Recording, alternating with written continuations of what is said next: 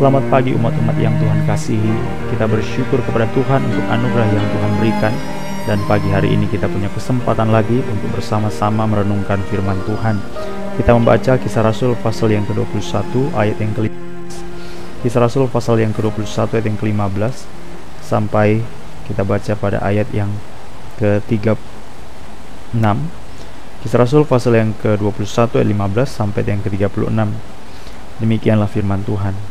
Sesudah beberapa hari lamanya tinggal di Kaisarea, berkemaslah kami lalu berangkat ke Yerusalem bersama-sama dengan kami turut juga beberapa murid dari Kaisarea. Mereka membawa kami ke rumah seorang yang bernama Manason. Ia dari Siprus dan sudah lama menjadi murid. Kami akan menumpang di rumahnya. Ketika kami tiba di Yerusalem, semua saudara menyambut kami dengan suka hati. Pada keesokan harinya, pergilah Paulus bersama-sama dengan kami mengunjungi Yakobus semua penatua telah hadir di situ. Paulus memberi salam kepada mereka, lalu menceritakan dengan terperinci apa yang dilakukan Allah di antara bangsa-bangsa lain oleh pelayanannya. Mendengar itu, mereka memuliakan Allah. Lalu mereka berkata kepada Paulus, Saudara, lihatlah, beribu-ribu orang Yahudi telah menjadi percaya, dan mereka semua rajin memelihara hukum Taurat. Tetapi mereka mendengar tentang engkau, bahwa engkau mengajar semua orang Yahudi yang tinggal di antara bangsa-bangsa lain untuk melepaskan hukum Musa, sebab engkau mengatakan supaya mereka jangan menyunatkan anak-anaknya dan jangan hidup menurut adat istiadat kita. Jadi bagaimana sekarang? Tentu mereka akan mendengar bahwa engkau telah datang kemari. Sebab itu, lakukanlah apa yang kami katakan ini. Di antara kami ada empat orang yang bernazar, bawalah mereka bersama-sama dengan engkau, lakukanlah pentahiran dirimu bersama-sama dengan mereka, dan tanggunglah biaya mereka, sehingga mereka dapat mencukurkan rambutnya, maka semua orang akan tahu bahwa segala kabar yang mereka dengar tentang engkau sama sekali tidak benar, melainkan bahwa engkau tetap memelihara hukum Taurat. Tetapi mengenai bangsa-bangsa lain yang telah menjadi percaya, sudah kami tuliskan keputusan-keputusan kami, yaitu mereka harus menjauhkan diri dari makanan yang dipersembahkan kepada berhala, dari darah, dari daging binatang yang mati dicekik, dan dari percabulan. Pada hari berikutnya, Paulus membawa orang-orang itu serta dengan dia, dan ia mentahirkan diri bersama-sama dengan mereka, lalu masuk ke bait untuk memberitahukan bila mana pentahiran akan selesai dan persembahan akan dipersembahkan untuk mereka masing-masing. Ketika masa tujuh hari itu sudah berakhir, orang-orang Yahudi yang datang dari Asia melihat Paulus di dalam bait Allah, lalu mereka menghasut rakyat dan menangkapnya. Sambil berteriak, Hai orang-orang Israel, tolong, inilah orang yang di mana-mana mengajar semua orang untuk menentang bangsa kita dan menentang hukum Taurat dan tempat ini. Dan sekarang ia membawa orang-orang Yunani pula ke dalam bait Allah dan menajiskan tempat suci ini. Sebab mereka telah melihat Trofimus dari Efesus sebelumnya bersama-sama dengan Paulus di kota, dan mereka menyangka bahwa Paulus telah membawa dia ke dalam bait Allah. Maka gemparlah seluruh kota, dan rakyat datang berkerumun, lalu menangkap Paulus dan menyeretnya keluar dari bait Allah. Dan seketika, dan seketika itu juga semua pintu gerbang bait Allah itu ditutup. Sementara mereka merencanakan untuk membunuh dia, sampailah kabar kepada kepala pasukan bahwa seluruh Yerusalem gempar. Kepala pasukan itu segera bergerak dengan prajurit-prajurit dan perwira-perwira dan maju mendapatkan orang banyak itu.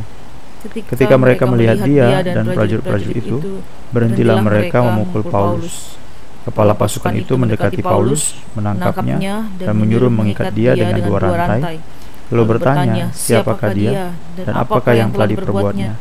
Tetapi dari antara orang banyak itu ada yang meneriakkan kepadanya ini, ada pula yang meneriakkan itu, dan oleh karena keributan itu, ia tidak dapat mengetahui apakah yang sebenarnya terjadi.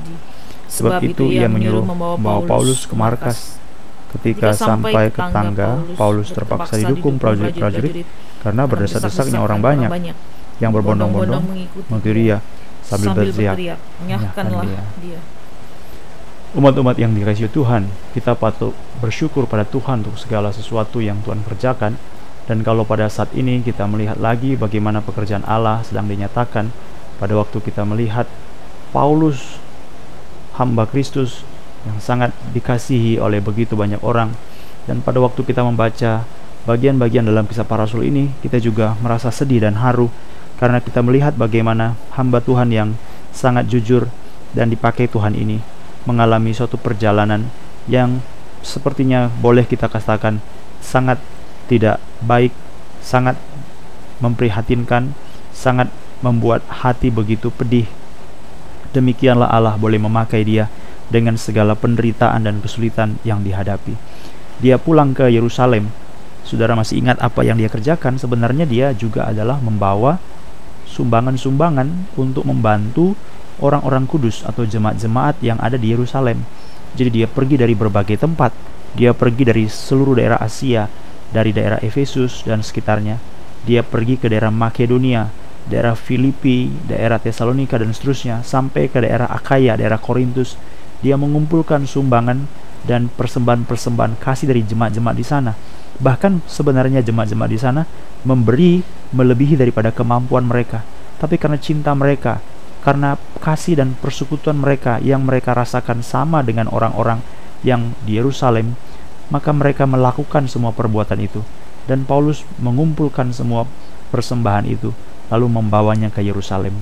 Nah, inilah peristiwa yang terjadi dicatat dalam pasal 21 ini sehingga dia kembali ke Yerusalem. Memang di situ adalah suatu perayaan jelang hari Pentakosta, saudara-saudara, dan Alkitab jelas mengatakan bahwa setiap laki-laki dari orang Israel satu tahun tiga kali mereka ke Yerusalem dan tentu ini merupakan suatu perayaan yang besar. Tetapi pada waktu dia membawa persembahan itu, dia bertemu dengan Yakobus. Memang sepertinya ada suatu sambutan yang seperti tidak diharapkan, itulah yang terjadi. Suatu persembahan yang sangat harum, yang sangat indah itu pada waktu diserahkan sepertinya, sepertinya tidak disambut sebagaimana seperti apa yang diharapkan. Memang pada akhirnya itu berguna juga. Tetapi yang menjadi isu utama pada waktu Paulus bertemu dengan Yakobus di Yerusalem, maka Yakobus mengatakan, "Kami mendengar." Jadi waktu Paulus ceritakan begitu banyak orang dari bangsa-bangsa lain yang percaya kepada Yesus Kristus, menerima Yesus sebagai Tuhan dan Juru Selamat, mau mengerti apa itu penebusan, hidup dalam keselamatan, berperang bagi dosa, hidup bagi Tuhan Allah, betapa mereka melakukan segala sesuatu, maka mereka mengatakan, "Terpujilah Tuhan, kita senang, kita senang beribu-ribu orang boleh percaya." Tetapi ada suatu hal yang menjadi isu yang dibicarakan di sini. Yakobus mengatakan bahwa saudara, sudah banyak orang percaya, tetapi mereka mendengar pasal 21 ayat 21 bahwa engkau Paulus mengajar orang Yahudi yang tinggal di tempat bangsa-bangsa lain supaya melepaskan hukum Musa, supaya tidak menjalankan hukum Taurat sebab engkau mengatakan supaya mereka orang-orang bangsa lain atau orang-orang Yahudi di bangsa lain jangan menyunatkan anak-anak. Jadi bagaimana Nah, ini sekarang yang menjadi hal yang dibesar atau yang menjadi utama dalam kisah atau pembicaraan antara Yakobus dengan Paulus. Tentu mereka akan mendengar bahwa engkau telah datang kemari ke Yerusalem. Sebab itu, dia memberikan saran, lakukanlah apa yang kami katakan ini. Di antara kami ada empat orang bernazar, bawalah mereka bersama dengan engkau, lakukan pentahiran dirimu, tanggunglah biaya mereka, nanti mereka mencukur rambutnya, menyelesaikan nazarnya. Lalu kalau orang melihat bahwa engkau melakukan ini, berarti orang nanti sudah punya pemahaman, oh, berarti cerita yang kita dengar, berita yang kita dengar selama ini bohong atau tidak benar, tidak betul. Karena Paulus sendiri pun kita saksikan di sini, dia adalah orang yang memelihara adat istiadat atau budaya Taurat dengan sangat baik. Nah, itu tujuan awalnya, saudara-saudara. Tetapi Mari kita lihat di sini ada perbedaan dari apa yang disarankan oleh Yakobus dengan apa yang disarankan oleh murid-murid pada bagian atau pasal-pasal sebelumnya. Dalam pasal yang ke-20 misalnya, pada ayat yang ke-22, pasal yang ke-20 misalnya, ayat yang ke-22, Paulus mengatakan, "Aku tidak tahu apa yang akan terjadi, aku datang seperti tawanan roh." Ya, memang kenapa dia mengatakan kalimat itu? Karena berulang kali murid-murid menasihatkan supaya Paulus jangan pergi ke Yerusalem. Tetapi kita baca bahwa Loh, Paulus kok justru tidak mendengarkan nasihat itu? Nah, tetapi pada waktu kisah Rasul pasal 21, Yakobus mengatakan, laksanakanlah hukum Taurat sebagaimana tradisi atau budaya Taurat kita di bait Allah ini supaya orang nanti melihat dan mereka mengatakan bahwa oh ternyata yang kita dengar itu keliru tentang Paulus. Lah, justru Paulus menurutinya. Ya, benar sekali saudara-saudara. Justru Paulus menurutinya. Kisah Rasul pasal 21 ayat yang ke-26. Hari berikutnya Paulus membawa orang itu serta dengan dia mentahirkan diri bersama-sama dengan mereka lalu masuk ke bait Allah dan seterusnya dan seterusnya. Jadi kenapa di lain sisi tidak mendengarkan tetapi dalam hal ini pada waktu Yakobus mengatakan di Yerusalem untuk menjalankan perintah Taurat dia lakukan. Nah, dari sini kita bisa tahu Paulus bukanlah orang yang pelin-pelan sebenarnya atau Paulus adalah orang yang takut sebenarnya mengambil keputusan tidak. Tapi perbedaannya adalah apa yang dinasihatkan oleh murid-murid dalam pasal 20 tentang segala sesuatu kesulitan-kesulitan supaya dia menasihatkan Paulus agar tidak pergi ke Yerusalem tetapi ditolak oleh Paulus karena nasihat itu adalah demi kepentingan Paulus. Jadi demi keselamatan Paulus, demi kepentingan Paulus sendiri supaya Paulus tidak mengalami sakit, tidak mengalami aniaya, tidak mengalami kesulitan, maka mereka memberikan nasihat itu.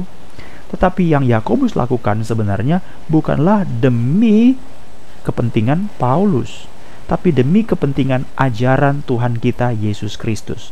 Supaya jangan lewat kehidupan kita, maka ajaran Tuhan itu menjadi hina. Supaya jangan lewat apa yang kita sampaikan, maka Injil Kristus itu menjadi ditolak. Jadi ini yang sangat penting. 1 Korintus 9:27. 1 Korintus 9:27. Paulus mengatakan, "Aku melatih tubuhku supaya aku menguasai seluruhnya, sehingga sesudah memberitakan Injil kepada orang lain, jangan sendiri aku ditolak." Jadi dia memang melatih dirinya karena apa? Ini merupakan suatu hal yang sangat jelas sekali agar orang-orang tidak alergi, agar orang-orang betul-betul dapat melihat bahwa Paulus sungguh-sungguh bekerja melayani Tuhan, dan dengan demikian orang melihat, oh, begini ternyata keadaannya, Injil yang diberitakan itu. Jadi, padanan hidup Paulus sesuai dengan Injil sehingga waktu Injil diterima, Paulus pun tidak menjadi sandungan karenanya. 1 Korintus 9 ayat 20. 1 Korintus 9 ayat 20. Bagi orang Yahudi, aku menjadi seperti orang Yahudi. Supaya apa? Supaya memenangkan orang-orang Yahudi. Bagi orang-orang yang hidup di bawah hukum Taurat, aku menjadi seperti orang yang hidup di bawah hukum Taurat. Sekalipun aku sendiri tidak hidup di bawah hukum Taurat. Supaya apa? ayat 20 bagian akhir, supaya aku dapat memenangkan mereka yang hidup di bawah hukum Taurat. Dilanjutkan ayat 21, bagi orang yang tidak hidup di bawah hukum Taurat, aku menjadi seperti yang tidak hidup di bawah hukum Taurat. Sekalipun aku tidak hidup di luar hukum Allah, aku hidup di dalam hukum Allah. Tetapi tujuannya apa? Supaya aku dapat memenangkan mereka yang tidak hidup di bawah hukum Taurat. Demikian seterusnya bagi yang lemah, demikian seterusnya, demikian seterusnya. Jadi Alkitab hendak menunjukkan kepada kita kenapa di lain sisi dia tidak mendengarkan nasihat, di lain sisi dia mendengarkan nasihat. Di lain sisi nasihat itu adalah bisikan Roh Kudus dan di lain sisi nasihat itu adalah karena hukum Taurat. Jadi jawabannya adalah karena nasihat yang diberikan pada pasal yang ke-1920 itu adalah nasihat demi kepentingan Paulus sendiri. Tetapi dalam pasal 21 yang diberikan oleh Yakobus di Yerusalem adalah demi kepentingan ajaran Tuhan Yesus, bukan demi kepentingan Paulus. Jadi supaya semakin banyak orang, maka kita rela menyangkal diri memikul salib. Supaya semakin banyak orang percaya kepada Yesus, kita rela menanggalkan kepentingan-kepentingan kita. Dan inilah kisah saudara-saudara, di mana Paulus masuk ke bait Allah. Dia menjalankan hukum Taurat, dia betul-betul mengerjakan apa yang dinasihatkan oleh Yakobus orang di Yerusalem. Dan itu dia kerjakan. Dia masuk di sana. Dan itulah juga yang menjadi titik awal permulaan Paulus ditangkap. Dan sejak saat itu dia tidak lagi menjadi orang yang bebas. Dia mengalami penjara. Dia mengalami aniaya. Dia mengalami kesulitan saudara-saudara yang dikasih Tuhan kita punya waktu pembacaan yang banyak tadi dan kita bisa menemukan dari apa yang terjadi ini bahwa sungguh-sungguh seluruh hidup Paulus memang Rasul Yesus Kristus diabdikan sepenuhnya, dipersembahkan sepenuhnya menjadi persembahan yang hidup, yang berkenan kepada Allah. Segala sesuatu dari hidupnya bukan untuk kepentingannya, tetapi untuk supaya kerajaan Allah, Injil Kristus diberitakan. Sebenarnya tidak ada alasan bagi Paulus sebenarnya untuk menjalankan hukum itu, tetapi dia mengerjakannya karena apa? Karena memang dia mau supaya orang banyak lagi dimenangkan, tidak alergi kepada Kristus Yesus Injilnya, tidak alergi kepada Kristus Yesus beritanya, tidak alergi kepada Kristus Yesus pribadinya. Tetapi Paulus betul-betul menyangkal diri dan rela mengerjakan ini semuanya. Tetapi justru itulah waktu di mana Paulus masuk akhirnya ditangkap, dianiaya, dan akhirnya setelah itu tidak bisa lepas lagi sampai dia berangkat ke Roma, saudara-saudara. Dia betul sebagai tawanan. Ini bukan hal yang mudah. Dan kalau pada bagian ini kita temukan ada seorang yang bernama kepala penjara. Jadi pada waktu itu ada orang-orang dari Asia, barangkali ini masih ada kaitan dengan apa yang terjadi dengan Efesus karena polanya sama di mana orang-orang di Asia lalu menghalau atau menggalang banyak orang mengatakan inilah dia yang bernama Paulus memberitakan tentang Yesus di mana-mana tempat dia menghinakan hukum Taurat kita dan menghinakan bait Allah tempat suci ini. Maka orang-orang nggak tahu apa yang terjadi saudara-saudara. Benar-benar nggak tahu apa yang terjadi rame saja sama seperti pasal 19 ayat yang ke-32 orang tidak tahu apa yang terjadi. Demikian juga yang terjadi dalam pasal 21 ayat 34 orang rame saja tidak ngerti ada apa ini nggak ngerti ini bicara apa. Rame ngumpul keributan kerumunan massa dan membuat segala sesuatunya menjadi panas menjadi marah menjadi jengkel teriakan. Dan akhirnya Paulus ditangkap diseret lalu pintu gerbang daripada Baal ditutup supaya mereka itu boleh membunuh daripada Paulus.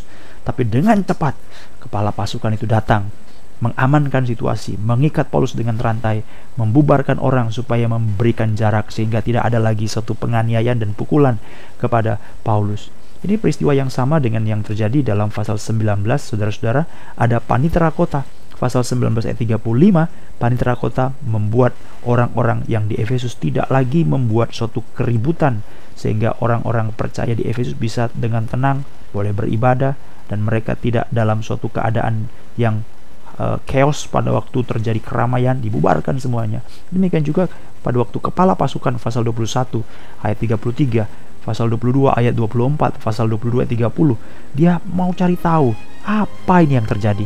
Siapa sebenarnya Paulus ini? Apa yang diperbuatnya? Kenapa orang begitu riuh, begitu tidak begitu marah hendak membunuh dia? Tapi Tuhan pakai panitera negara untuk selamatkan Paulus dan orang-orang percaya pada waktu itu. Di sini juga Tuhan pakai kepala pasukan. Walaupun dia tidak ngerti apa yang terjadi, tapi Tuhan pakai kepala pasukan untuk menyelamatkan, memelihara Paulus dan mengamankan situasi sehingga tidak terjadi kericuhan huru hara yang sangat besar. Hal yang indah sekali. Jadi kalau kita betul-betul hidup dalam pimpinan Tuhan, segala macam cara, bahkan orang-orang yang tidak kita kenal pun bisa dipakai oleh Tuhan untuk membantu dan menyatakan kehendaknya. Jadi saudara-saudara jangan hanya ingin diri keamanan sendiri, tetapi biarlah kita tahu dan serahkan semua hidup ke dalam tangan Tuhan, mau dipimpin oleh Tuhan senantiasa.